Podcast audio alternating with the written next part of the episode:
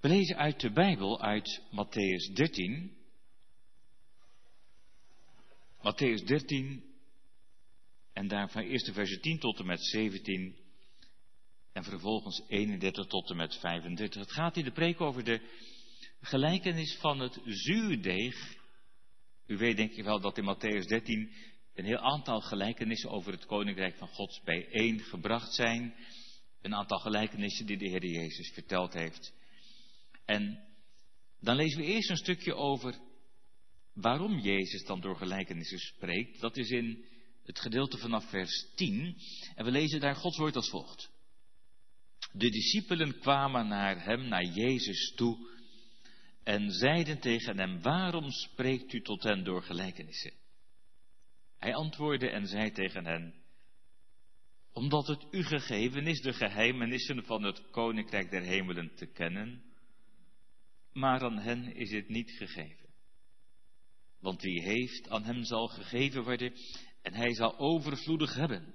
Maar wie niet heeft, van hem zal afgenomen worden zelfs wat hij heeft.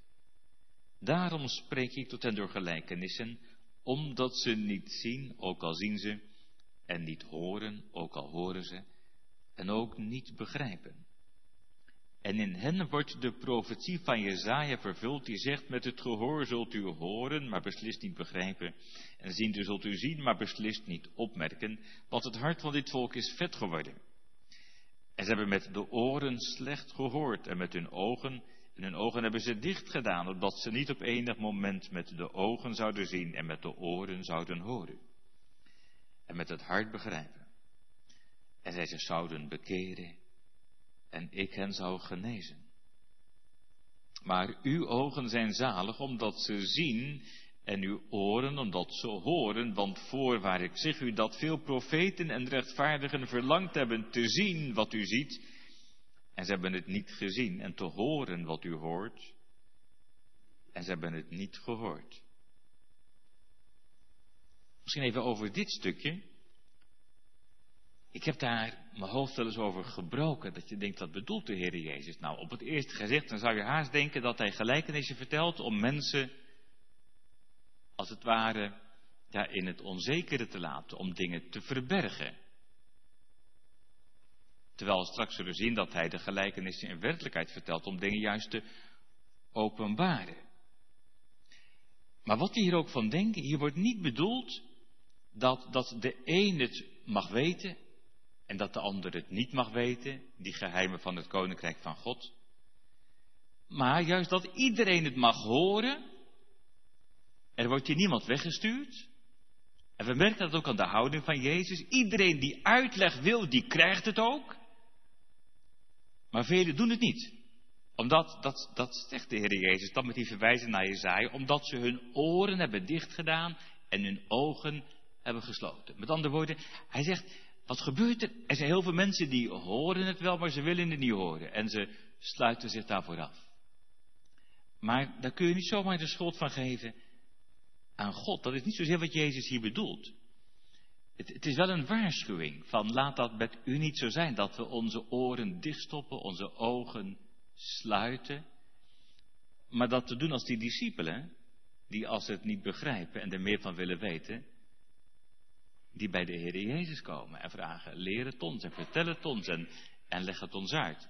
Je ziet hier dat, dat de Heer Jezus dus die, die schatten niet te grabbig hoort, maar iedereen die er meer van wil weten, wordt aangespoord om daarvoor bij hem te zijn. En dat blijkt ook in het vervolg vanaf vers 31.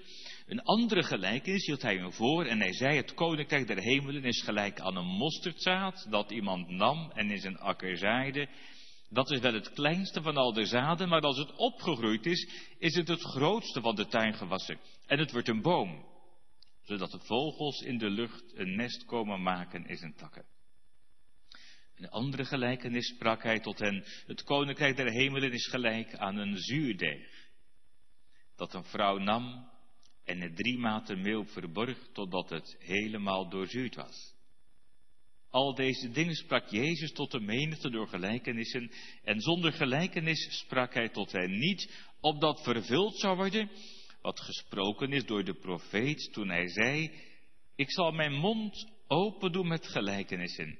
Ik zal over dingen spreken die verborgen waren vanaf de grondlegging van de wereld. En hier zien we weer dat dat de bedoeling is. Wat, wat de Heer Jezus doet met die gelijkenissen. Dat is niet om dingen te verbergen, maar juist om verborgen dingen te openbaren. Dat is zijn bedoeling. Daarvoor vertelt hij ze. De tekst voor de preek is vers 33. Waarin staat een andere gelijkenis, sprak hij tot hen, het koninkrijk der hemelen is gelijk aan zuurdeeg, dat een vrouw nam en in drie maten meel verborg, totdat het helemaal doorzuurd was. En het thema voor de preek is de werking van het zuurdeeg. En ik denk dat velen wel weten wat het is, zuurdeeg, anderen misschien niet, maar dat komt straks wel. Maar je kunt het ook vergelijken met gist, maar het gaat over die werking van het zuurdeeg de werking van het zuurdeeg. Daar gaat het over in de preek Matthäus 13, vers 33. Gemeente, soms kun je met weinig woorden veel zeggen. Dat merken we ook in deze gelijkenis. Het is een korte gelijkenis, het is maar één vers. En toch zou je kunnen zeggen dat de volheid van het koninkrijk van God hierin verborgen ligt. Een van die gelijkenissen over het koninkrijk der hemelen, zo zegt Matthäus dat. Nu dacht ik wel eens, dat zal zeker over de hemel gaan, maar dat is hier niet bedoeld. Ja, voor een deel wel natuurlijk, maar eigenlijk kun je daar ook lezen het koninkrijk van God. Matthäus schrijft vooral voor de Joden. En die gebruikten de godsnaam al zo niet en ook het woord God liever niet die zeiden liever het koninkrijk der hemelen, maar dat is precies hetzelfde als dat Lucas dan schrijft, het koninkrijk van God. Dat heeft er met de hemel te maken, maar ook met deze aarde. Je zou kunnen zeggen dat koninkrijk, dat is daar waar de koning is, waar Jezus is. Dus ook vanavond hier in de Pauluskerk. Nu zijn er uitleggers die denken dat die gelijkenis eigenlijk hetzelfde zegt met iets andere woorden als die vorige gelijkenis over dat mosterdzaad. Het zijn natuurlijk beide gelijkenissen over iets wat heel klein begint en vervolgens een spectaculaire groei doormaakt. Van heel klein naar heel groot. Maar als je goed kijkt naar die twee, dat mosterdzaad en ook het zuurdeeg, dan zie je toch verschillende dingen. Je kunt beter zeggen dat ze elkaar aanvullen, dan dat ze hetzelfde zouden zeggen. En, en een van de dingen die ik alvast noem, is dat dat mosterdzaadje iets heel zichtbaar laat zien. Dat is dan een heel klein zaadje, maar je kunt het goed zien. En als dat zaadje ontkiemt en begint te groeien, dan zie je een klein plantje, dat wordt een struik. En de Heer Jezus heeft het zelfs over een boom. Maar dat, dat, dat is iets van de zichtbare groei. Terwijl dat zuurdeeg eigenlijk helemaal niet meer te zien is als het één keer in het deeg vermengd wordt. Dan, dan, laat dat juist iets zien van de onzichtbare werking van de Heilige Geest. Er zijn ook mensen die zeggen dat dat voorbeeld van het mosterdzaad een voorbeeld is uit de mannenwereld. Een voorbeeld voor mannen. En dat het voorbeeld van het zuurdeeg een voorbeeld is voor vrouwen. Uit de vrouwenwereld. Nou ja, dat is een beetje vergezocht misschien, maar het is wel mooi dat de Heer Jezus niet alleen voorbeelden neemt uit de mannenwereld, maar ook uit de vrouwenwereld van het oude Israël. En in het oude Israël haalt men het brood niet in de supermarkt of een dorpswinkel of bij een bakker, maar in principe bakt iedere vrouw haar eigen brood. Er zijn natuurlijk ook in onze tijd wel weer mensen die zelf brood bakken. Misschien doet u dat ook wel. Of kent u mensen die dat doen. Maar ja, dan gaat het wel weer met een machine die automatisch alles kneedt. En die met een uh, goede instelling van de apparatuur op de juiste wijze en de juiste tijd allemaal begint te werken. Maar goed, zulke apparaten waren er toen natuurlijk niet. Maar we kunnen ons wel een voorstelling maken van wat er gebeurt in de keuken bij deze vrouw. bij die gelijkenis die Jezus vertelt. In gedachten zie je dat voor je een vrouw die de voorbereidingen treft om brood te bakken. Er staat dat ze drie maten meel neemt. En zo'n maat is ruim 13 liter, dus echt een flinke emmer. Dus drie flinke emmers met meel, bij elkaar zo'n 40 liter. Dat is een enorme hoeveelheid, daar kun je heel wat broden mee bakken. En van die drie maten meel maakt ze deeg. Nou, dan wordt er van alles toegevoegd, ingrediënten, water natuurlijk, en zout, en misschien ook wel kruiden of specerijen. En waar het vooral om gaat in deze gelijkenis, dat is het zuurdeeg. Tegenwoordig hebben we het over gist. En als mensen bakken, dan is het vaak zelfrijzend bakmeel. Er zit de gist al in. Alhoewel, ik heb wel eens van een bakker gehoord. Die zei van nou, er wordt in onze tijd ook wel gebakken met dat echt dat oude zuurdeeg. Dat is wel een speciaal oerbrood en dat soort dingen. Maar goed, dat gebeurt in onze tijd ook nog wel weer. Dat men dat oude zuurdeeg gebruikt. En, en wat is dat dan? Nou, dat zuurdeeg is eigenlijk een beetje overgebleven deeg. En dat deeg begint dan te verzuren, daarom ook zuurdeeg, of te gisten. Je zou kunnen zeggen dat het begint te bederven. Het stinkt ook een beetje. Als je het dan ruikt, dat deeg dat begint te gisten. Zuurdeeg. Maar, maar juist dat zuurdeeg is geschikt als gist. Dat is nodig om het meel te laten rijzen. Zuurdeeg of gist maakt uiteindelijk het, het deeg geschikt en maakt het brood ook luchtig en smakelijk. Nou, wat doet die bakkende vrouw? Ze neemt een beetje zuurdeeg en verbergt dat in het nieuwe deeg. In de eerste versie van de herziende statenvertaling staat dat ze dat erin deed. Maar in het Grieks staat echt dat ze dat verborg. Dat is ook in de latere editie van de herziende statenvertaling wel weer rechtgezet. Maar u weet denk ik wel hoe dat gaat. Dat wil niet zeggen dat ze een beetje van dat zuurdeeg erin doet en de rest daaromheen, want dan heeft het geen nut. Nee. Dat zuurdeeg wordt gekneed door dat andere deeg heen. Net zolang tot je van dat oude klompje zuurdeeg niets meer terug kunt vinden. En dat betekent heel wat inspanning. Dat is echt zwaar werk. Maar dat doet die vrouw om het deeg smakelijk te maken voor smakelijk brood. Zo hoorden we die woorden van Jezus. Het koninkrijk der hemelen en het koninkrijk van God is gelijk aan zuurdeeg dat een vrouw nam en in drie maten meel verborg totdat het helemaal doorzuurd was. En misschien ook even voor de duidelijkheid. Er staat dus niet dat het koninkrijk op zich gelijk is aan dat zuurdeeg.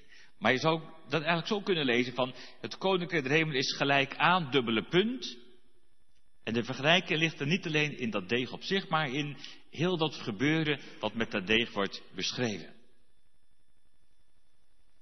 Nu zijn er uitleggers die leggen dat, dat gebeuren, dat, dat doorzuurd worden, negatief uit. Dan, dan zou het gaan over de doorwerking van de zonde. En op zich is dat een bijbelse gedachte. De zonde van Adam en Eva, die is doorgedrongen tot heel het menselijk geslacht. Ook wij hebben een zondige Adams natuur. Die zonde die is doorgedrongen tot ons en onze kinderen, heel het menselijk geslacht. En, je kunt ook zeggen dat de zonde nog steeds een besmettelijke werking heeft die als een besmettelijke ziekte om zich heen grijpt. Dus dan, dan leg je de nadruk op het proces van het bederf. Dus die verzuring van de deeg als die vermenging is begonnen. Maar het is de vraag of de Heer Jezus dat zo bedoelt. Het belangrijkste argument lijkt me ook dat het in die gelijkenis niet gaat over iets verkeerds. In die gelijkenis is dat zuurdeeg geen bedreiging, voor de deeg en voor het brood, maar het is juist nodig om er goed deeg van te maken en om er smakelijk brood van te bakken. En toch is dat niet helemaal uit de lucht gegrepen, die, die negatieve uitleg. Ik noem even een paar dingen even terzijde. Maar bijvoorbeeld het paascha, het paascha in het Oude Testament, dat was een tijd dat alle zuurdeeg uit het huis verwijderd moest worden. En er waren ook, ook offers, dan mocht er geen brood dat gezuurd was, worden gebruikt. Maar er waren ook wel weer offers dat het wel mocht en in het gewone gebruik was het prima om, om zuurdeeg te gebruiken. Daar staat er weer tegenover. En toch kan het wel eens een ongunstige klank hebben. Ik noem drie voorbeelden even voor de volledigheid. De Heer Jezus waarschuwt voor het zuurdeeg van de leer, het onderwijs van de fariseeën en de Sadduceeën. Matthäus 16, vers 6. Er wordt ook gewaarschuwd door Paulus voor de bedervende werking van de zonde ook als een zuur deeg. Dat is in 1 Korinthe 5, vers 6 tot 8. En in Galaten 5, vers 9 gaat het over de bedervende werking van wetticisme. Ook als een zuurdeeg. Maar evengoed gaat het hier in deze gelijkenis niet over een vrouw die iets verkeerds doet. Dat is heel anders dan, dan wat er staat in die andere gelijkenis over iemand die onkruid zaait. Dat doet de duivel, dat is iets verkeerds. Maar deze vrouw doet in feite iets goeds. Ze doet iets goeds met de deeg voor het brood. Nou, wat wil Jezus ons daarmee leren? Je zou die gelijkenis kunnen betrekken allereerst op de koning van dat koninkrijk. Dus op Jezus zelf. Maar je kunt het ook betrekken op de onderdanen van dat koninkrijk. Dus op de gelovigen. En je kunt het ook betrekken op het grote geheel van het koninkrijk van God. En dat wil ik ook met u doen vanavond, om dat zo wat langs te gaan.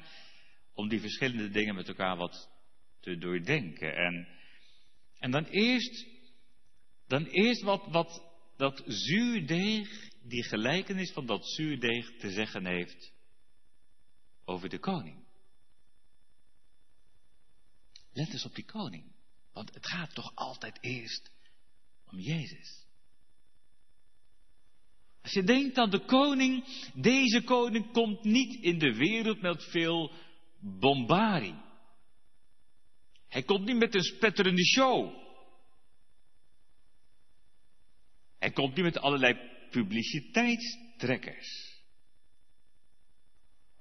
Maar hij komt onopvallend als zuurdeeg. Wie ziet het eigenlijk als hij geboren wordt? Ja, de engelen, zegt u. Ja, maar ondertussen, in Israël, wie ziet het eigenlijk? En wie beseft de betekenis van zijn komst in deze wereld? En als je opgroeit in Nazareth, wie weet er wie hij werkelijk is? Wie begrijpt dat eigenlijk? Het is onopvallend als het zuurdeeg. Wij zijn vaak gevoelig voor dingen die de aandacht trekken. Voor dingen die spectaculair zijn. Iets bijzonders.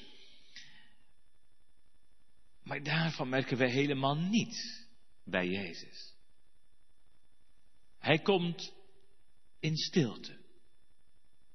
Dat is kenmerkend voor zijn koninkrijk. Niet met uiterlijk vertoon, met dit of met dat en spectaculaire dingen. Nee, als een zuurdeeg.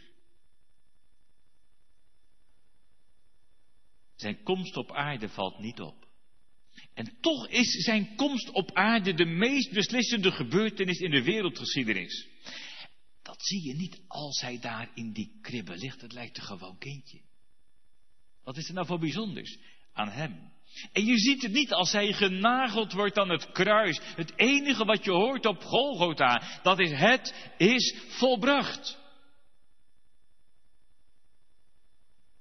Maar wat zie je daar van zijn koninkrijk?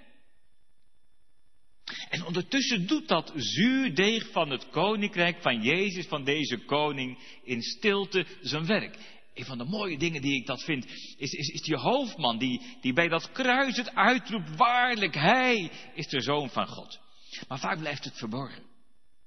En toch gaat zijn werk door. Later in openbaring heb je dat andere beeld van Jezus die op dat paard rondtrekt, over heel de wereld overwinnend en opdat hij overwint. Zoals dat zuurdeeg heel dat deeg doortrekt, zal zijn werk doorgaan tot de dag dat hij verschijnt in heerlijkheid. Het koninkrijk der hemelen is gelijk aan zuurdeeg dat een vrouw nam en in drie maten meel verborg totdat het helemaal doorzuurd was. Dat heeft iets te zeggen over de koning, maar ook over de onderdanen. Ook heel persoonlijk, in je eigen hart, in je eigen leven. In gedachten zie je die bakster druk bezig. En ze meent dat zuurdeeg, dat klompje deeg, met dat grote geheel van dat nieuwe deeg. Maar ja, wat zie je nog van dat oude deeg? Is het er nog wel? Stel je voor, je zou heel goed luisteren. Hey, jongens en meisjes, dat je nou heel goed luistert bij dat deeg. Wat hoor je dan? Helemaal niks. Daar hoor je niks van. En je ziet er niks van. Het maakt geen lawaai. En ondertussen doet het zijn werk. Je moet wel geduld hebben. Je ziet het niet meteen. Ik weet wel dat vroeger bij ons thuis, als er dan oliebollen werden gebakken, dat deden mijn vader en moeder vaak samen, dan, dan hadden ze ook een, een, emmer, soms twee emmers, met dat, dat, dat meel en dan, dan werd dat deeg bij de verwarming gezet. En dan moest je wachten tot het ging rijzen. Ja, dat zag je niet meteen. Dan, dan moest je best een poos wachten. Dat duurde lang en er lag er een doek overheen. Dat duurde lang. Dan moest je geduld hebben. Na verloop van tijd begint dat deeg te rijzen. Net zolang tot het luchtig genoeg is om er brood of iets anders van te bakken. En dat zegt iets over het werk van de Heilige Geest, ook in ons persoonlijk leven. Doorgaans werkt de Heilige Geest in stilte, zonder veel tamtam. -tam. Ja, natuurlijk kan de Heilige Geest plotseling werken en kan die ook krachtig werken. Net zo goed als hij een kant-en-klaar brood uit de hemel kan geven. Ja, de, de Heere God die kon ook manna geven. Dat kan de Heere God allemaal. Maar, maar doorgaans werkt hij onopvallend, zoals het zuurdeeg. Dat langzaam maar zekere deeg doortrekt. Het gaat bij, bij hem niet om het effect op de korte termijn, maar om de lange termijn. Niet om het spectaculaire van het moment, wat vaak zo weer weg is. Maar dat het echt is. Als je even denkt aan die gelijkenis van het mosterdzaad. Het gaat niet om wonderbomen. Daar knaagt al gauw een worm aan de wortel. Maar het gaat om, om iets wat houdt, wat echt is, wat blijvend is. En misschien wil je dat wel, een, een bijzondere bekering, iets spectaculairs ervaren. Dat wilde ik vroeger eigenlijk ook wel. Dan kun je het veel beter vertellen misschien en dan lijkt het veel duidelijker. Maar je kunt je afvragen waarom, waarom zou je dat eigenlijk willen? Zou de Heilige Geest alleen opzienbarend en plotseling kunnen werken? Natuurlijk kan hij dat. En soms doet hij dat, maar meestal werkt hij niet zo plotseling, maar in de weg van een proces. Zoals dat zuurdeeg. Dat is niet in één keer, maar het gaat wel door tot heel dat deeg doorzuurd is. En dan iets wat verder gaat, dat zuurdeeg verandert de deeg van binnenuit. Het gaat dus niet zozeer om een verandering aan de buitenkant, maar eerst van binnenuit. Kijk, een verandering aan de buitenkant, ja, dat kunnen we zelf nog wel. Ik bedoel, iemand die niet in de kerk komt, die kan besluiten, ik ga vanaf nu twee keer per zondag naar de kerk. En dan zeggen we, dat is fantastisch, welkom. Ja toch? Daar ben je blij mee als je dat hoort. Maar dat is nog de buitenkant.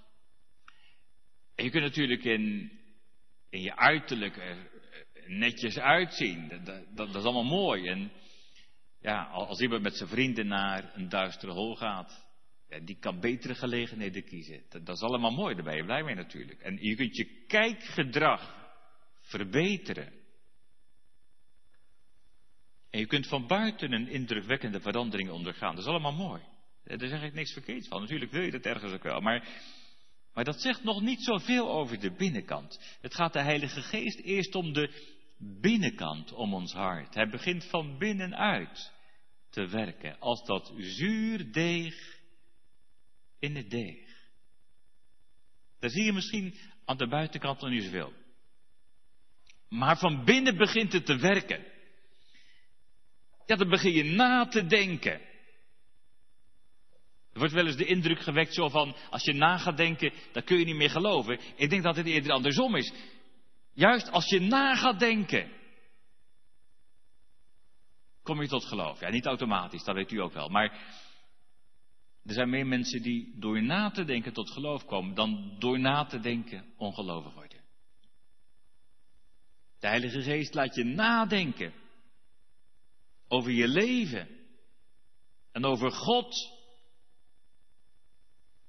Hij maakt je misschien onrustig. Als je denkt aan God, wat zou God van mijn leven vinden? Wat, wat wil God eigenlijk van mij? Of als je denkt aan, aan de dag van je dood. Alle mensen moeten sterven, maar ik ook. Hoe zal het zijn als ik vandaag voor God moet verschijnen? De Heilige Geest zet je aan het denken over de echte dingen van het leven. Waar gaat het om? Waar gaat mijn leven naartoe? Waar kom ik vandaan? Wat wil God eigenlijk? Wie is God eigenlijk? Waar is die dan? En wat heeft hij mij te zeggen?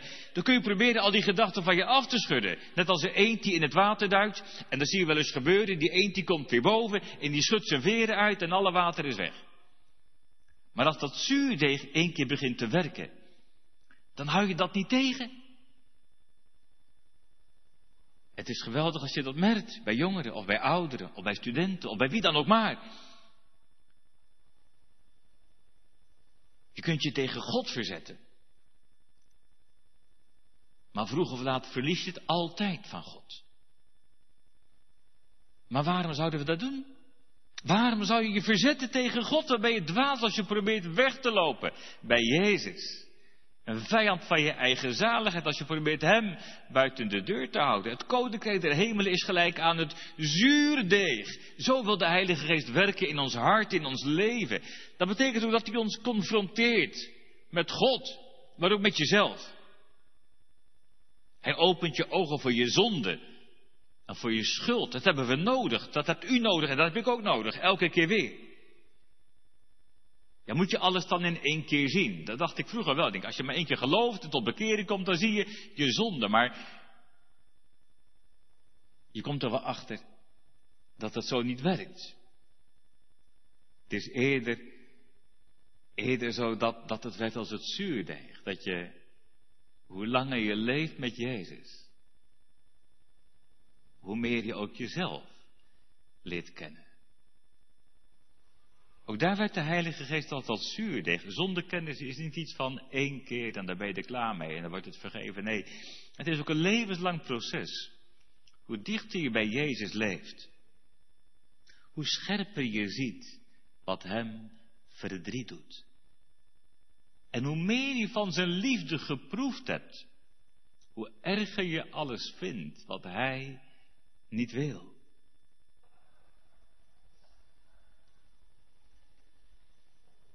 Je kunt ook zeggen dat Hij steeds meer voor je wordt. En dat je zelf voor Hem steeds kleiner wordt. Groei in het geloof. Dat is ook toename in ootmoed. Soms zeggen jongeren tegen mij, ja maar hoeveel zondekennis heb je dan nodig? Nou, dat weet u wel toch?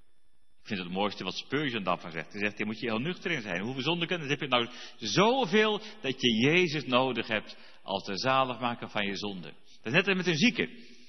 Hoeveel moet ik weten van mijn ziekte? Nou, zoveel dat ik naar de dokter ga. Zoveel dat ik hulp zoek. Zoveel dat ik Jezus nodig heb. Dat, dat is onmiskenbaar het werk van de Heilige Geest. Dat heb je niet van jezelf. Dat heb je ook niet van de duivel, want die houdt je alleen maar bij Jezus vandaan. De Heilige Geest brengt je bij Hem. Het koninkrijk der hemelen is gelijk aan zuurdeeg. Dus dan kun je denken aan het begin van het geestelijk leven, de wedergeboorte, maar ook aan de dagelijkse bekering. Want het staat nooit stil. Toch? Het staat nooit stil. Je kunt ook zomaar weer bij de Heer Jezus vandaan gaan. Je kunt zomaar weer koud en lauw worden. Telkens weer opnieuw heb je hem nodig. Dat, dat, hij doordringt in je leven. Dus dat levenslange proces van de afsterving van de oude en de opstanding van de nieuwe mens. Waarin je steeds meer leert leven uit hem en door hem en voor hem. Wij zeggen wel eens waar je mee omgaat. Daar word je mee besmet. En dat is in het negatieve, maar dat is ook in het positieve. Dat is in het bijzonder in de verborgen omgang met Christus. Hoe dichter je bij Hem leeft, hoe meer je in zijn liefde leert leven.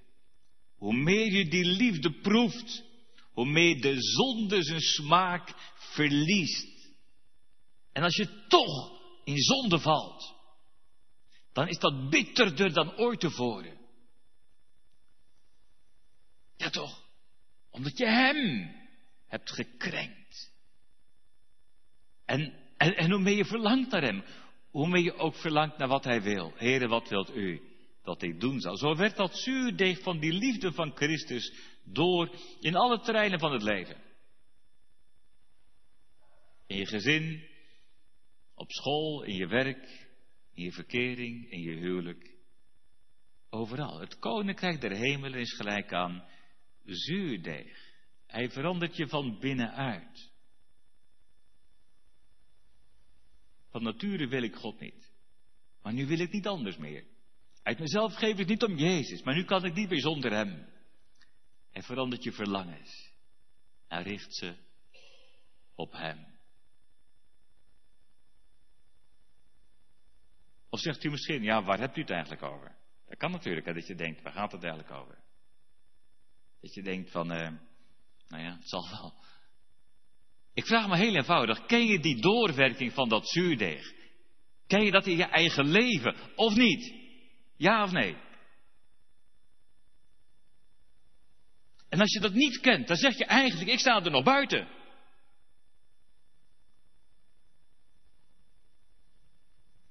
Dan is het nu de tijd om Hem te zoeken. Dan is het nu de tijd om Hem te vinden, voordat het te laat is. En dan, dan kan ik maar één ding zeggen. Zie dan op Jezus en vlucht tot Jezus. Hij is als het ware nog steeds bezig die gelijkenis te vertellen. Hij deed dat toen. Maar laat het woord nog steeds verkondigd worden. Hij gaat nog steeds daarin door. Hij, is als het ware bezig als die vrouw. Als die vrouw die, die bij wijze van spreken zuurdeeg legt in je hart, in je leven, ook vandaag. Die je onder handen neemt om dat zuurdeeg te kneden in je leven. En soms doet hij dat krachtig. Soms is het ook hardhandig. Als je het wel eens geprobeerd hebt, zulk deeg te kneden en dan 40 liter, ga er maar eens aan staan. Nou, dat, dat, dat is hard werken, dat is echt stevig kneden. Die bakster heeft al de kracht nodig om dat deeg onder handen te nemen. En ze kneedt het met haar handen en ze gaat met de deegroller overheen en ze slaat op dat deeg. En nou zo moet Jezus ons wel eens onder handen nemen, voordat we werkelijk gaan bidden.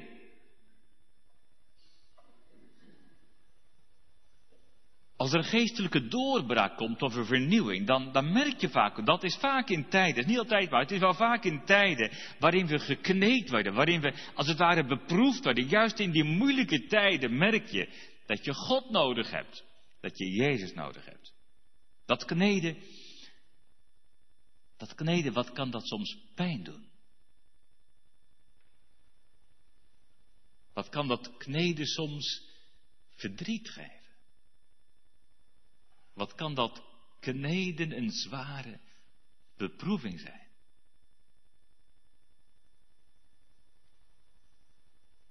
En toch, toch is dat kneden nodig om dat zuurdeeg te vermengen met het deeg. Juist door dat kneden dringt dat zuurdeeg van Gods genade verder door, tot heel dat deeg doorzuurd wordt, zegt Jezus. Het koninkrijk der hemelen is gelijk aan zuurdeeg. Er moet gekneed worden. Ja.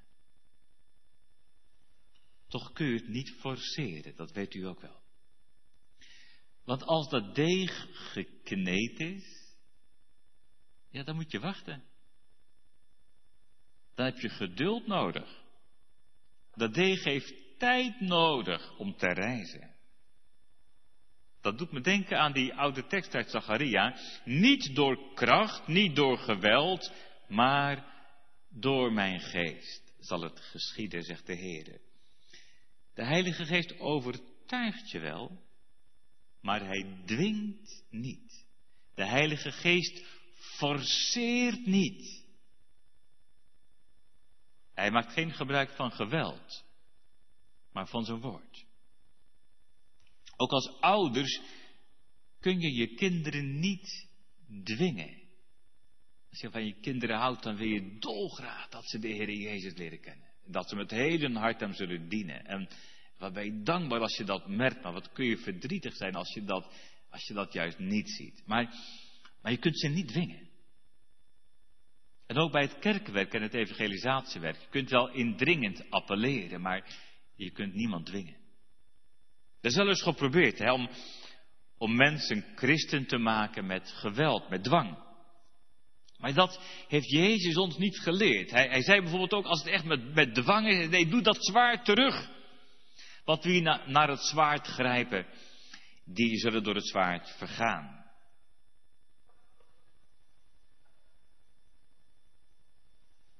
Ik denk dat het ook een van de dingen is waar het christelijk geloof als, als zodanig radicaal anders is dan bijvoorbeeld de islam. Er zijn we heel veel vredelievende moslims. En het is ook best belangrijk dat we contacten proberen te zoeken met moslims. Maar de islam als zodanig kent de heilige oorlog.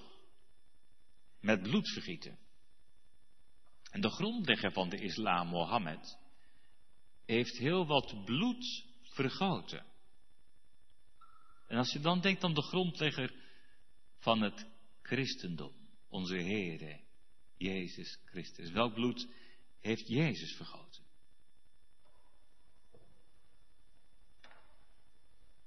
Vind ik het machtige gevonden van het evangelie. En ik heb het ook wel moslims die christen werden horen zeggen. Dat dat heeft overtuigd uiteindelijk. Dat, dat Jezus niet het bloed van anderen, maar zijn eigen bloed vergoten heeft.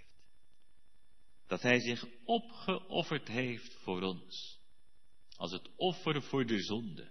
Hij leert ons wat ware liefde is. Het zwaard waarin hij ons oefent is het zwaard van het evangelie. Niet door kracht, niet door geweld, maar door mijn geest. Want het koninkrijk der hemelen is gelijk aan zuurdeeg. Dat heeft ook te maken met die grote verbanden van het koninkrijk van God. Nog een paar opmerkingen daarover. Dat zuurdeeg laat zich niet tegenhouden. Stel je voor dat je bij dat deeg staat en dat je hebt gemengd en dat je denkt, weet je wat, ik probeer dat oude zuurdeeg weer terug te halen. Dat kun je wel proberen, maar je krijgt het er nooit meer uit. Men heeft geprobeerd in het communistische China alles wat christelijk is eruit te halen en uit te roeien. Maar daar is de kerk enorm gegroeid. Al zijn er ook wel problemen in de kerk, maar dan toch. Men probeert het in islamitische staten. Maar ook daar bewijst dat koninkrijk van Christus zich als dat zuurdeeg. Dat overal doordringt en dat je niet tegen kunt houden. Als je denkt aan de leidende kerk, wat zijn daar veel voorbeelden van die we zeker in onze tijd kunnen lezen, kunnen zien. Denk je, wat is het soms een lijden? Wat werden ze soms gekneed en beproefd? En toch werd ook daar dat pijnlijke proces mee in de praktijk. Om dat zuurdeeg door het deeg te kneden, dat heel dat deeg wordt doorzuurd. Dat wil niet zeggen dat het allemaal succesverhalen zijn. Er zijn ook gedeeltes in de wereld, ook bijvoorbeeld delen in, in Syrië, waar de kerk eigenlijk helemaal verdwenen lijkt. Soms zijn er grote zorgen, hele grote zorgen. En, en, en toch dringt dat koninkrijk door als het zuurdeeg en niemand krijgt het weg. Ondertussen merken we ook hoe belangrijk het is dat dat zuurdeeg wordt vermengd. Stel je voor, je hebt dat zuurdeeg of die gist en die leg je bij dat deeg en verder niks. Ja, dan gebeurt er niks. Dan gebeurt er niks. Daar ligt het nutteloos. Het moet wel worden vermengd. Het moet er wel doorheen worden gekneed. Begrijpt u waar ik heen wil? Kijk, we hebben het betrokken op koning Jezus, op de onderdanen, ook op die grotere verbanden, daar ook wat dingen van. Maar, maar, maar in zekere zin, als het over die grotere verbanden gaat, kun je ook zeggen dat wij het zuurdeeg zijn. Niet alleen dat we als dat zuurdeeg onder de handen worden genomen, maar dat we ook dat zuurdeeg zijn. Net als de Heer Jezus in de bergreden zei, u bent het zout van de aarde. Net als dat zout moet ook het zuurdeeg worden vermengd met het deeg. Het is dus niet de bedoeling dat we ons afzonderen als we maar ons eigen veilige plekje hebben.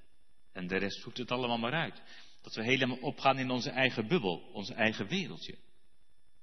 Het is de bedoeling dat we in deze wereld onze plaats innemen maar dan wel als dat zuurdeeg. Het wordt wel eens mooi gezegd, wel in de wereld, maar niet van de wereld. Niet van de wereld, want de christen is van Christus, maar wel in de wereld. Natuurlijk zijn er veilige plaatsen nodig, die zijn belangrijk in de gezinnen, ook in de gemeente. De gemeente als een veilige plaats. En ook de scholen. Denk aan de christelijke scholen, ook de reformatorische scholen. Dit wil ik te graag bij betrekken. Je hebt die, die veilige plaatsen nodig. Maar tegelijk zijn we geroepen om in deze wereld als het zuurdeeg onze plaats in te nemen. Niet alsof we beter zijn dan een ander. Maar vanuit het besef dat al zijn we geen haar beter dan wie dan ook maar. Dat een ander diezelfde Jezus nodig heeft als wij. Dat een ander diezelfde genade nodig heeft als wij. Dat hoeft niet met grote woorden en grote verhalen. Als het maar echt is en oprecht. Niet als mensen die de kantjes eraf lopen. Maar, maar laten we anders maar merken dat we christen zijn. Dat je als christen ook oprecht probeert te zijn. Dat je probeert getrouw te zijn. Niet alleen maar denken aan onszelf. Maar oog, ook, ook oog en, en hart voor de mensen om ons heen. Dan hoeven wij niet met ons vingertje te oordelen en te wijzen. Maar maar laat een ander maar aan ons merken dat we echt verdrietig zijn. Om alles wat Jezus verdrietig maakt in deze wereld. Dat ze aan ons merken dat we het erg vinden. Maar dat we ook blij zijn om alles wat Jezus blij maakt. Dat ze dan ons merken wat Jezus eigenlijk ervan denkt. Als het zure deeg in deze wereld, als christenen, die weten wat het is om te leven van genade alleen. En die die genade van God gunnen, ook aan een ander. Niet van de wereld, want je bent van Christus, maar wel in de wereld. En toch kun je wel eens denken, wat blijft er eigenlijk van dat zuurdeeg over? Dat je denkt, word je niet helemaal opgenomen? Gaat het niet helemaal op in dat deeg? Dat je wel eens bang bent voor het opgaan in de massa of het, het, het opgaan in de wereld. Er kan wel een zorg zijn dat de kerk opgaat in de wereld. En toch doet dat zuurdeeg zijn werk. Niet door kracht, niet door geweld, maar door Gods geest. Het is gelijk dat koninkrijk aan zuurdeeg. En toch, wat zie je daarvan? Wat zie je van dat koninkrijk in deze wereld? Ja, wat zie je van dat zuurdeeg als die bakster bezig is met het deeg? Nu is het de tijd dat dat deeg wordt gekneed. Wat zie je er soms weinig van? Dat is wel eens moeilijk, dat je denkt, zag ik daar maar meer van. Nu is het de tijd van het geloof. Maar in deze gelijkenis geeft Jezus een belofte voor de toekomst. Want dat geloof gaat over in aanschouwen. En dat koninkrijk zal komen. Je kunt wel eens denken, wordt het nog wat met dat koninkrijk? Maar in die gelijkenis geeft Jezus de garantie dat het is als het zuurdeeg. Dat doordringt tot heel dat deeg doorzuurd is. Dat koninkrijk zal komen. En dan, dan is bij wijze van spreken heel dat deeg doorzuurd. En, en daar zeg ik het met de woorden van Jezaja. Dan profiteert hij van de wolf die het lam niet verscheurt, maar bij het lam verkeert. En het kalf met de jonge leeuw. En het kind in het hol van de adder. En ze spelen samen. En er staat er, men zal nergens kwaad doen of verderf aanrichten. Want staat er, de aarde zal vol zijn van de kennis van de Heere. Zoals de wateren de bodem van de zee bedekken. Jezaja 11. Als je dat hoort, hè, roept dat niet het verlangen wakker. Naar die dag. Dat de aarde vol zal zijn van de kennis van de Heere. Zoals de wateren de bodem van de zee bedekken.